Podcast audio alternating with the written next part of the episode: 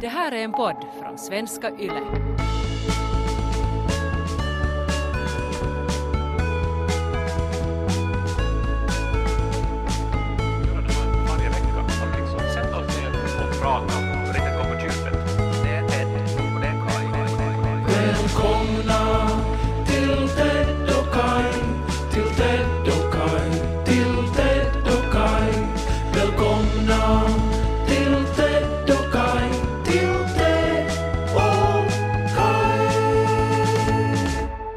Det är ju på natten där kring eh, halv fem som man ju börjar höra det.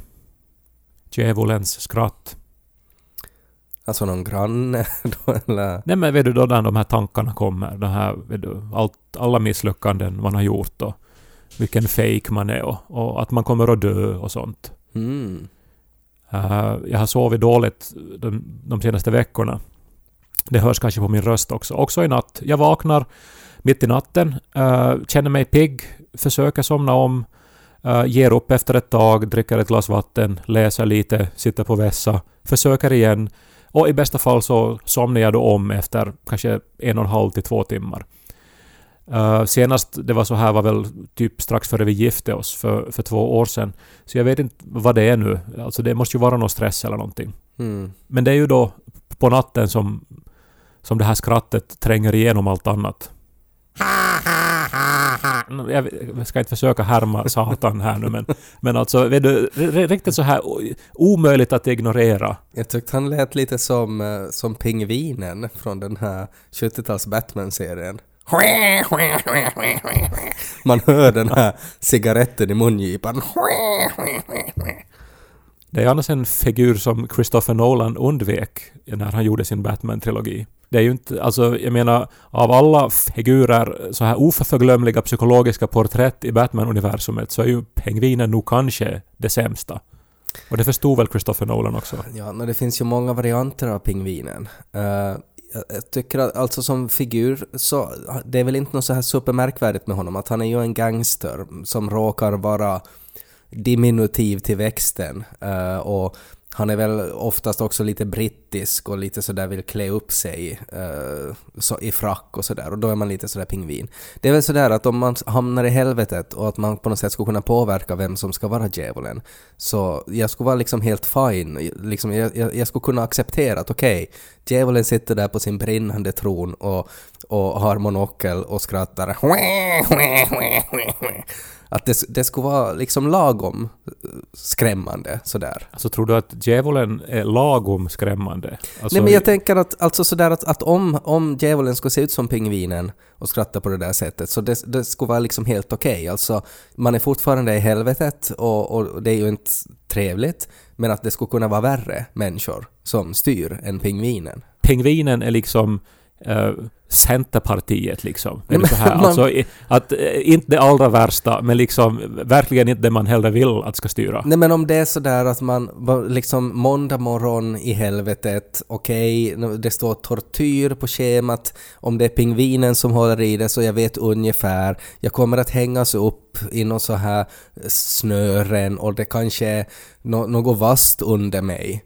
Att det är liksom jättejobbigt men att det är inte liksom skräckinjagande terror utan att det är sådär att ja ja, nu har jag det obekvämt en stund. Jo, men jag förstår inte alltså. Jag tycker bara som karaktär så är det väl ka- kanske just det som gör att han är ointressant. För att han är så här mellanmjölk. Han är, han är liksom Matti Vanhanen. Ja, men, he, men man vill väl ha en Matti Vanhanen att sätta in i en dödsfälla. Man vill ju inte ha någon som är liksom så här otroligt kreativt ondskefull. Ja, no, det håller jag med om, men det är ju som en no-brainer. Alltså det är ju klart att man inte vill ha den fullblodade psykopaten som står med kniven mot en strup.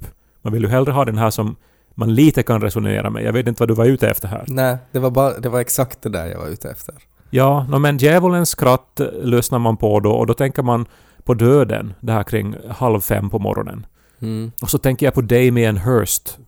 Känner du till honom? Nej, det låter bekant. Ja, han är typ världens rikaste konstnär eller någonting. Han, han är väl brittisk och han gör sådana här stora märkliga installationer. Han har en av hans mest kända verk, en sån här, alltså, alltså det är som ett akvarium typ som är fyllt med formaldehyde, vad det nu heter på svenska, och eh, en haj som är liksom i tre delar.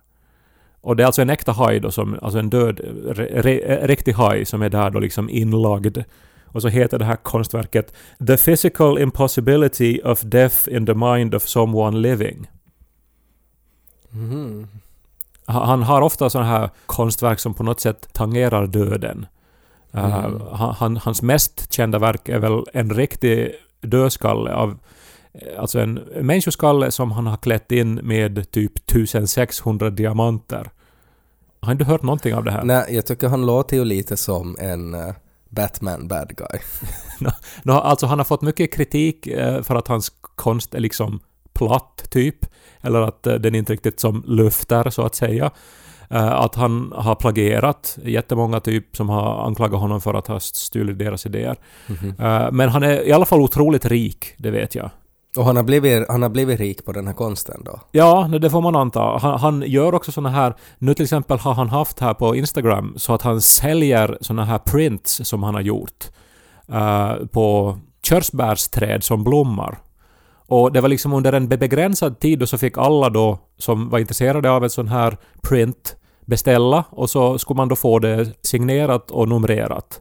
Och jag tittar ju på det här för jag tänkte att nu har man ju möjligheten då att faktiskt ha en så att säga riktig Damien Hirst då på sin vägg. Eh, Men det kostar 3000 pund, så det är ganska dyrt. Mm. Men jag blev överraskad nu då en morgon när jag vaknade eh, och det här eh, öppna Instagram. Och tydligen då så har han eh, gjort en tävling så att man kan kommentera på ett inlägg som han gjorde och så kan man istället vinna ett sånt här print på ett körsbärsträd. Mhm. Och eh, det enda man då skulle göra var att man skulle svara på frågan varför körsbärsträd är så bra. Till min förvåning då så hade jag deltagit i den här tävlingen under natten. Och jag hade väldigt liksom vaga minnen av det hela. Alltså jag fick som faktiskt en, en sorts chock när jag insåg det här. Jag mindes liksom nog att jag har suttit på vässan mitt i natten i någon sån här frustrerad halvsömn. Och att jag har läst det här liksom inlägget och, och, och läst de här instruktionerna. Och jag mindes också att jag nog funderade en stund. Att varför är körsbär så bra? Det är ju då en massa, alltså det är ju tusentals kommentarer på det här inlägget och det är ju allt sånt här att, att uh, körsbärsträd symboliserar uh, liksom livets skörhet och korthet. Och så är det liksom 2000 likes på den kommentaren. Och att uh, när körsbärsträden blommar igen så då kommer pandemin att vara över. 500 likes. Mm. Och liksom allt sånt här, så jättefina grejer. Ja. Och så längst ner då, då med noll likes, Kai Korkeaho. Cherry blossoms are porn for bees. Var det djävulen som fick dig att skriva det då, eller var det han som på något sätt planterade in den där tanken hos dig?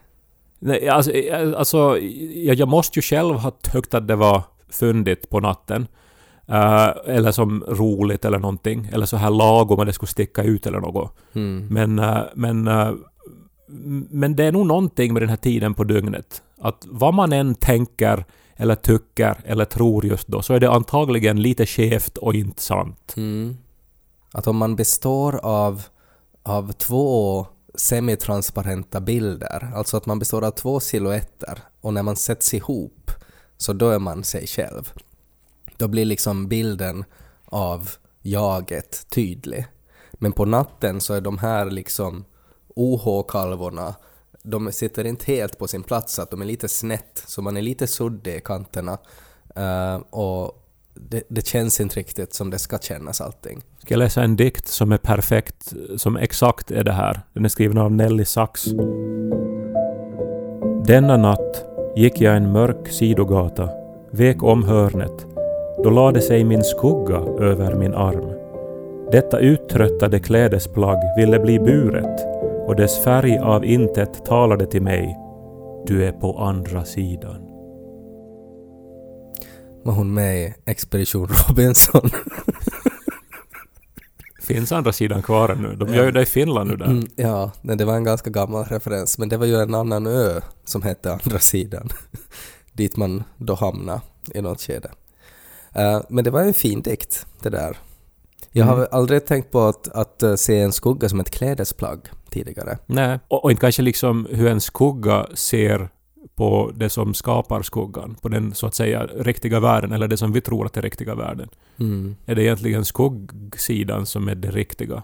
Mm. Men jag tycker ändå att bland flödet av liksom tusentals sådana här skitkommentarer om att ”Cherry blossoms are so nice because they are in a Damien Hirst painting” och så får det liksom 2000 likes. Så då borde nog min biporr åtminstone få, om inte likes så åtminstone en av de här printsen som han nu lottar ut. Och känns det då att det inte har fått likes, den här kommentaren? Fittigt! Ja.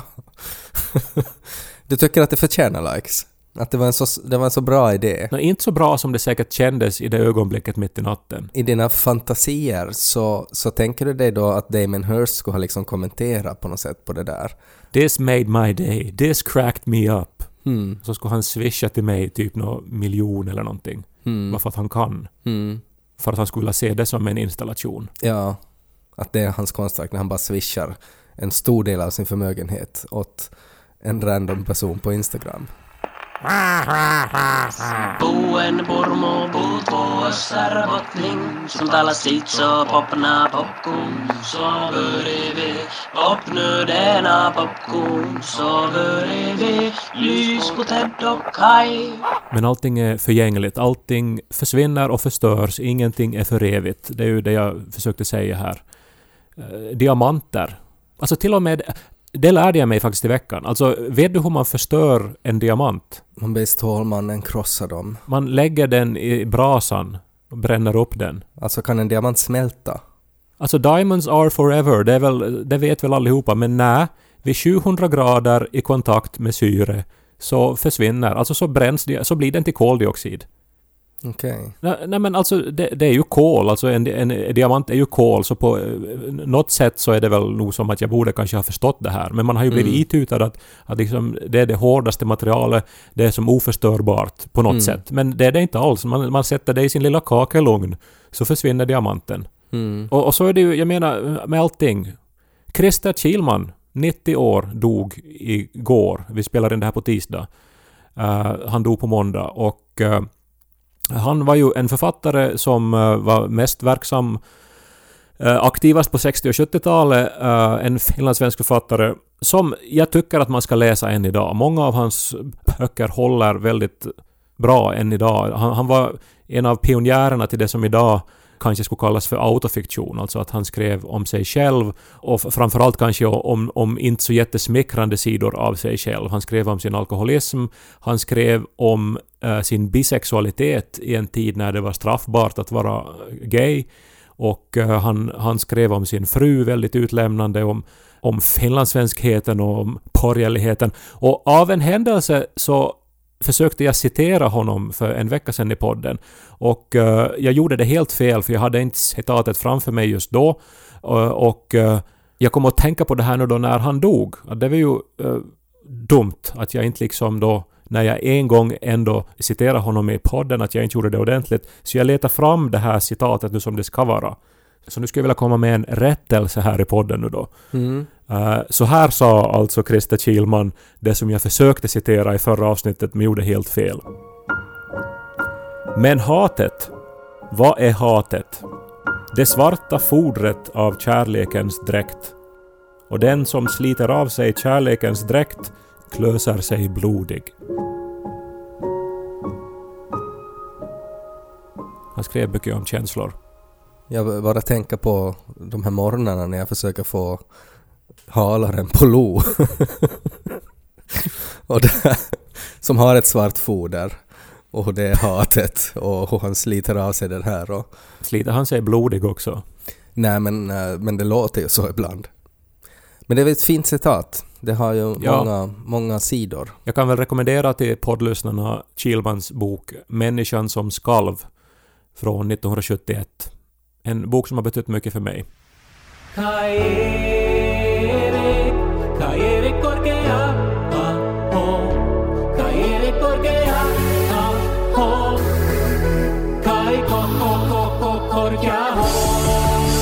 man borde alltså då uppdatera nu då det här uttrycket eh, “The diamonds are forever”. Mm. Timantit on equisia. Diamonds are only until you throw them in a hot stove and they turn into nothing. Ja, Fast jag tänkte också att vi behöver alltså någonting nytt som får symbolisera det eviga. Ja, du Och jag har nu då ett förslag. Okej.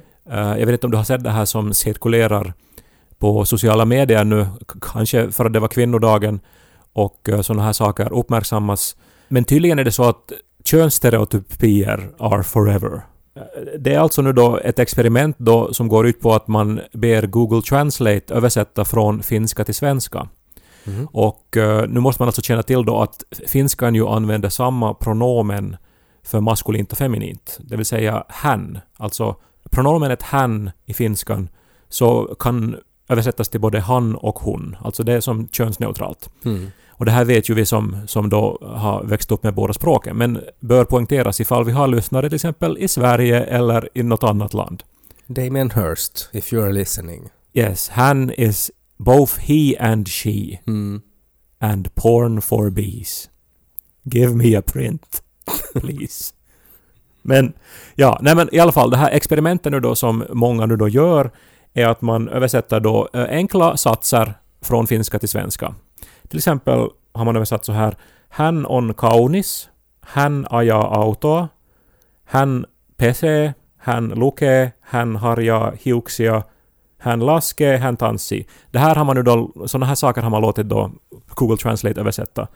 And lo and behold, Google Translate översätter då Hon är vacker, han kör bil, hon tvättar, han läser, hon borstar sitt hår, han räknar. Och så här håller det på då liksom. Hon dirigerar orkestern, han komponerar, han regisserar, han agerar, hon är vacker, hon är snygg, han tar hand om det, hon tar hand om barnet. Det, det, det, är- alltså man kan inte tro att det är sant tycker jag. Alltså, eh, för att på något sätt så inbillar jag mig att vi har kommit förbi det här för länge sedan.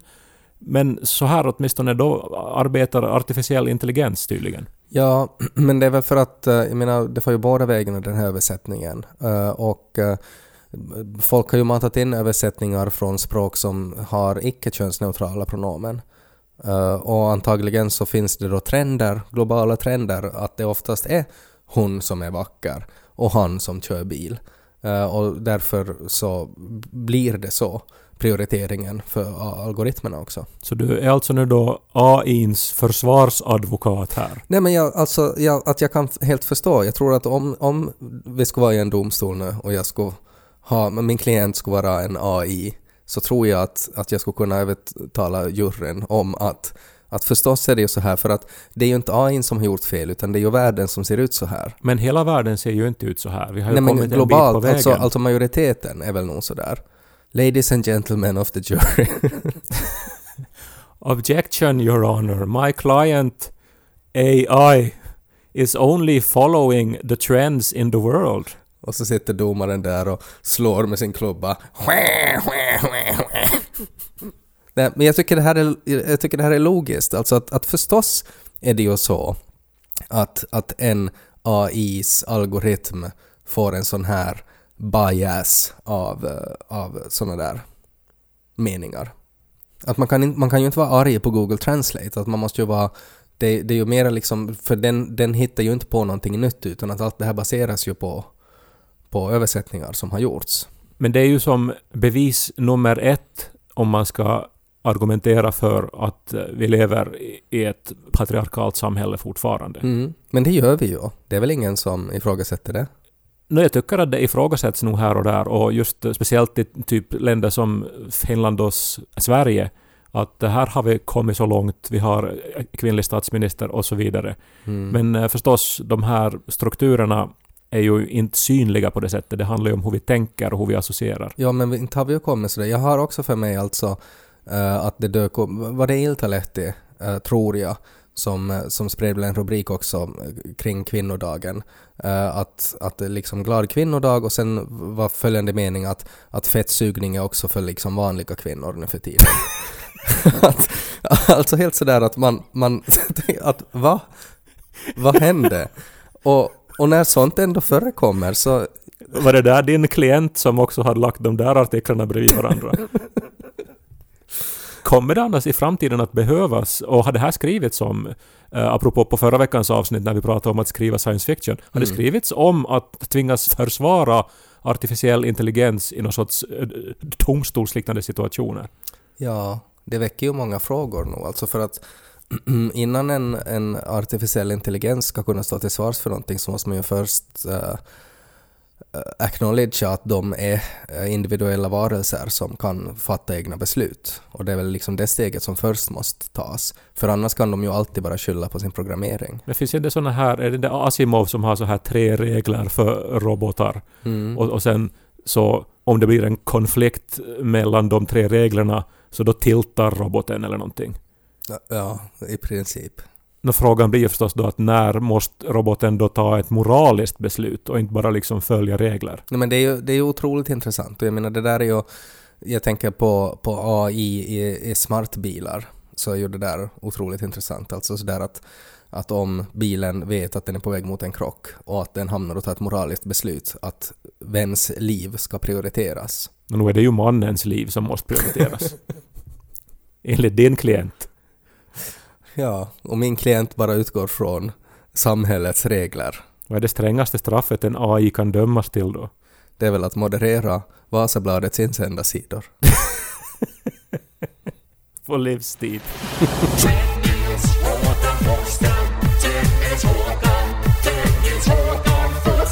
Om jag inte får sömn så brukar jag oftast eh, ligga och tänka på saker. Och så blir det någon cirkel för att ju mer jag tänker på någonting så börjar jag också inse att, att nej, nej, men nu ska jag inte tänka på det här för mycket för att då, då, då vaknar min hjärna upp för mycket.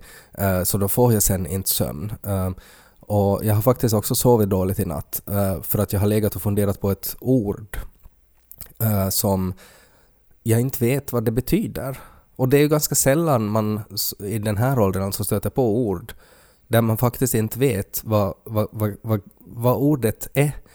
Eh, och det är ett, ett eh, vägnamn. Jag var ute och gå igår eh, och jag, jag kan bokstavera det här namnet åt dig på svenska först för att se att om du vet vad det här, eller hur du ens ska säga det här. T R A N K Y A N. Trankyan. Ja, Trank, vad, betyder, vad betyder det? Jag tänker på den här tra, traky, tra, trakyon, är det den här partikeln som färdas fortare än ljuset? Eh, Takyon. Ja. Takyon. Ja, och jag Men tänker trank- på... Och trangia, är det inte något så här, så här läge, alltså att man kokar, kan, kan koka på en trangia? Är det inte något sånt? Ja, det är ett så här vandrings... Uh, litet spritkök väl? Ja, exakt. Men, men trankyan, nej. Trank, vad är det på finska då? Nå, på finska så blir det lite lättare, för på finska är det kurki moisio. Och kurki är ju trana, så då vet man att okej, det är alltså trankyan. Moisio. Ja, vad är det? Moisio är väl en, det är en ort någonstans i Lappland också tror jag. Eh, eller har jag helt fel?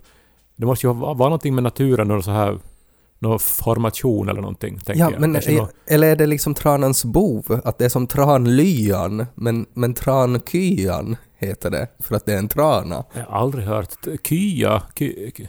Ja, vad, ett ord på svenska. Jag önskar att man skulle ha en sån här maskin där man skulle kunna skriva in saker som man vill veta om och så skulle det ge svar. Det skulle leta i någon sorts databas. Mm. Men det finns ju en sida som heter Wikipedia till exempel. Men Eh, har du ki- kollat det här nu då? No, moisio tarkoittaa seuraavia asioita. Aidattu viljelysalue, muinaissuomalainen suurtila, äh, huvila Etelä-Karjalassa. Ja, alltså någon sorts uh, ägor, någon hemman. Alltså, Ja, eller en, en ett, åk- en åker är det väl också, alltså en aidattu viljelysalue. Så är det Ja. liksom, jag- tolkar det som så då att en, en trankya, eller trankyan, jag börjar också tänka på färgen cyan, att har det någonting med det att göra. Eh, att ha det, är, är det liksom en sån här åker som tranor är på? Är det en trankyan? Apropå döda författare så eh, Lars Huldén skulle ju väsa det här. Vi skulle ju kunna ringa honom och han skulle, han skulle Vi har hålla ett tid. elegant föredrag. Nej, vi har inte tid att ringa Lars Hultén och prata om tranor. För Men den, har du den kollat podden- ordet kyan då? Kya. Om jag sätter in kurkimoisio uh, i Google Translate, blir det då hon är snygg? Jag måste leta här nu då i ord, ordboken här nu då. Uh, nå, det finns ju Tranquil är ju någonting annat. Trankokeri. Ja. Uh, trankokeri är ett, ett ord. Det står bara se även kokeri. Men tran är väl något så här, är det inte någon sorts uh, Nej, men det är väl som samma sak som, också? som ett vanligt kokeri men att det är tranor som för, ämnat för tranor. Transaktion istället för transaktion. uh, jag kollar också i svensk ordbok här men nej det finns inte. Uh, kya finns inte heller. Uh, jag skulle måste titta ännu i den här historiska ordboken. Det finns ju många olika ordböcker och man ska ju använda rätt här nu då. SAOB är ju alltså uh, en sån här historisk ordbok och där kan man ju då hitta ord som användes tidigare i svenskan. Och det Mm. finns kya Oho! Mindre inhägnad för kreatur, ofta anordnad med lätt flyttbara stängsel för att underlätta ombyte av plats för inhägnaden. Men inte Folla, inte ha- hage. Inte har man ju tranor, det är ju inte liksom kreatur som man har i en inhägnad. Nej men säkert har det varit en inhägnad där det har betat några kreatur och sen har tranor ofta satt sig ner där för att vila på sin Alltså en- långa färd från söderlandet. Så en, en trankyan är helt enkelt den där åkern då där tranorna är. Där, man, där det brukar finnas tranor. Så Ja. ska man väl kunna... Och det låter ju också som att det är direkt översatt från svenska. Så att man kan säga liksom, så man kan säga att, att nu ska vi ta in kossorna till fähuset igen för att nu har de varit tillräckligt länge på kyan. Jag tycker vi har en picknick på kyan. Ikväll är det dans på kyan. Stäm upp till sång i tranedansen. Humorgruppen Kai uppträder på Komossa kya. Okej, men egentligen, här, mysteriet var löst nu då? Men då när du låg vaken på natten så, så letade du inte upp utan du satt och försökte på något vis i ditt eget huvud Nej, då lösa ja, för, mysteriet. för att det känns som att, att det är liksom för stort steg att öppna upp telefonen och, och att man hela tiden stressar över att man ska bli för vaken. Och jag vet att om jag öppnar telefonen så då, då aktiveras liksom hjärnan och då, då har jag ingen chans att somna igen. Att Men har du att, teorier då? Jag tänker för det här är ju en grej som man avfärdar snabbt att ja, jag vet faktiskt inte vad det betyder. Mm, och sen nej. så glömmer man det. nej, men det är ju en frustration också att man borde veta. Uh, och, och, och bara att fundera kring tranor. Det finns jättemycket att tänka kring tranor. En, som en tankenöt som man funderar på som inte är tillräckligt spännande som man vaknar men som ändå gör att man inte liksom bara lyssnar på djävulen som skrattar uh, och att i bästa fall så är den till sist så tråkig så att man somnar. Alltså det är väl egentligen någonting att tänka på så att man inte liksom, så inte djävulen tar en.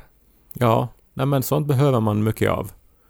Men du måste ju hitta din trankya. Alltså att om du kommer att sova dåligt i natt också så behöver du ha en sån här tanke som håller djävulen borta så att du till sist somnar i din svindyra säng. Jag eh, hängde upp mig på det här trankokeri för det låter verkligen på något sätt eh, fruktansvärt. Ja, men du ska, Men- inte, du ska inte läsa, du ska absolut inte läsa vad ett trankokeri är, utan du ska fundera på ordet trankokeri i natt Nej. när du vaknar. Ja. Nå, jag, jag hittade den. Det är ju förstås att tran är flytande fett som jag nog har något vagt minne av. Erhållet till exempel från säl och val. Som i vår sea shanty, att man samlar det här späcket och så kokar man det. Så sjunger man med pojkarna när man har sitt trankokeri. Ska vi avsluta med den? Stämma upp i sång allihopa.